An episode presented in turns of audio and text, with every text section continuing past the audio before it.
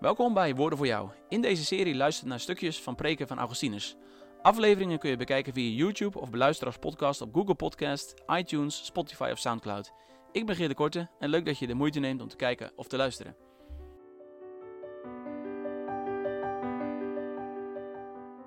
Deze week wordt wereldwijd door heel veel christenen Pasen gevierd. Pasen, dat zijn oorsprong heeft in het Joodse feest Pesach, waarin de uittocht uit Egypte werd herdacht.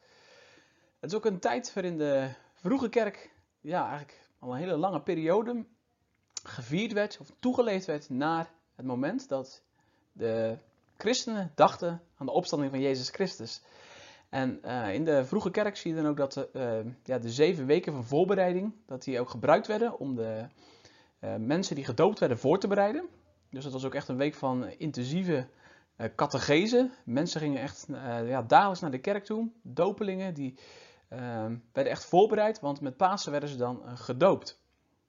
dus dat was een heel belangrijk moment. het was echt het hoogtepunt van het kerkelijk jaar. Nou, dan moet je weten dat voordat de paasdag aanbrak, dat de christenen de nacht wakker bleven. Joden kennen dat gebruik ook. Als men bijvoorbeeld denkt aan de wetgeving op de Sinai, de nacht daarvoor blijven ze wakker in de synagoge. Omdat in de traditie staat dat de Joden in slaap vielen voordat de Heer de wet ging geven. Nou, ook in het paasfeest zit die gedachte dat ze wakker moesten zijn, ook s'nachts, om Egypte uit te gaan. En de vroege christenen hadden iets soortgelijks. De discipelen die vielen, voordat de Heer Jezus gekruisigd werd, in slaap in de hof van Gethsemane. En daarom uh, was het ook zo dat ze de nacht voordat ze het paasfeest vierden ook wakker bleven met elkaar. Zodat ze inderdaad niet zoals de discipelen zouden zijn en ook in slaap zouden vallen in die paasnacht. Nou, en bij dit thema sluit Augustinus aan in ja, een hele korte preek. Zeg maar een ja, korte samenvatting, denk ik, van de preek die hij heeft uh, gehouden. de stenografen die schreven dan aantekeningen op en al die aantekeningen zijn bewaard. En dat is dan wat wij, ja, wat dan, het, wat dan de preken van Augustinus zijn. Dus waarschijnlijk is het een hele korte samenvatting van de preek, maar het bevat dan hele mooie gedachten. En die wil ik vandaag met jullie delen in deze aflevering. Ik lees hem voor voor jullie. De zalige apostel Paulus zegt: U bent allemaal kinderen van het licht Kinderen van de dag, wij behoren niet aan de, aan de nacht en duisternis. Laten we dan ook niet slapen als de anderen, maar wakker blijven en nuchter zijn. Zij die slapen, slapen s'nachts.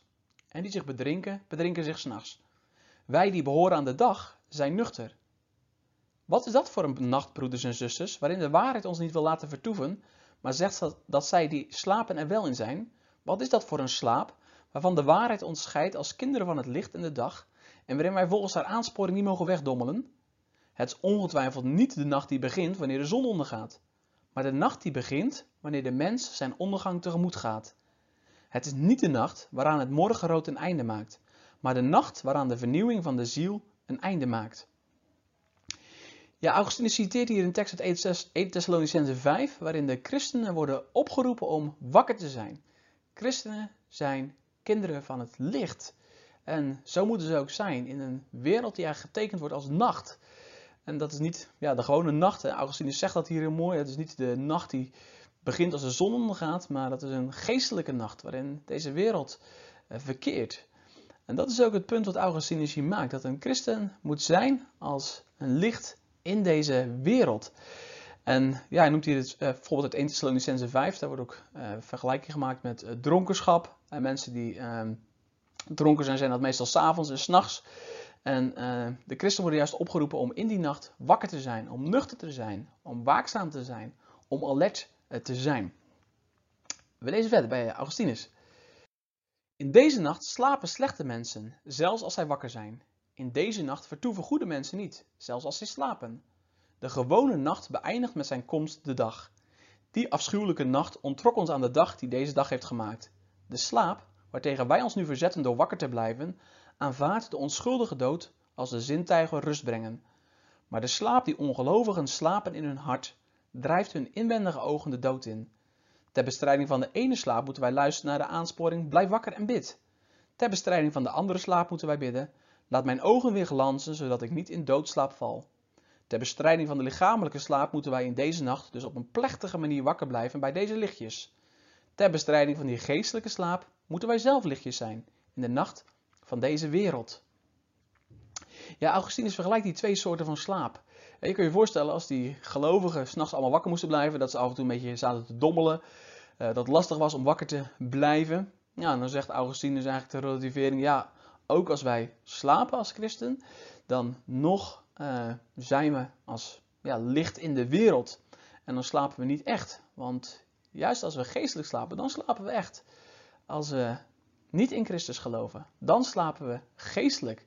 En dan is er maar één gebed mogelijk. En dat is dat we uh, Christus bidden. En laat mijn ogen weer glanzen, zodat ik niet in deze doodslaap val. Want dat is eigenlijk het beeld uh, wat Augustinus hier gebruikt. Als je niet in Christus bent, dan slaap je.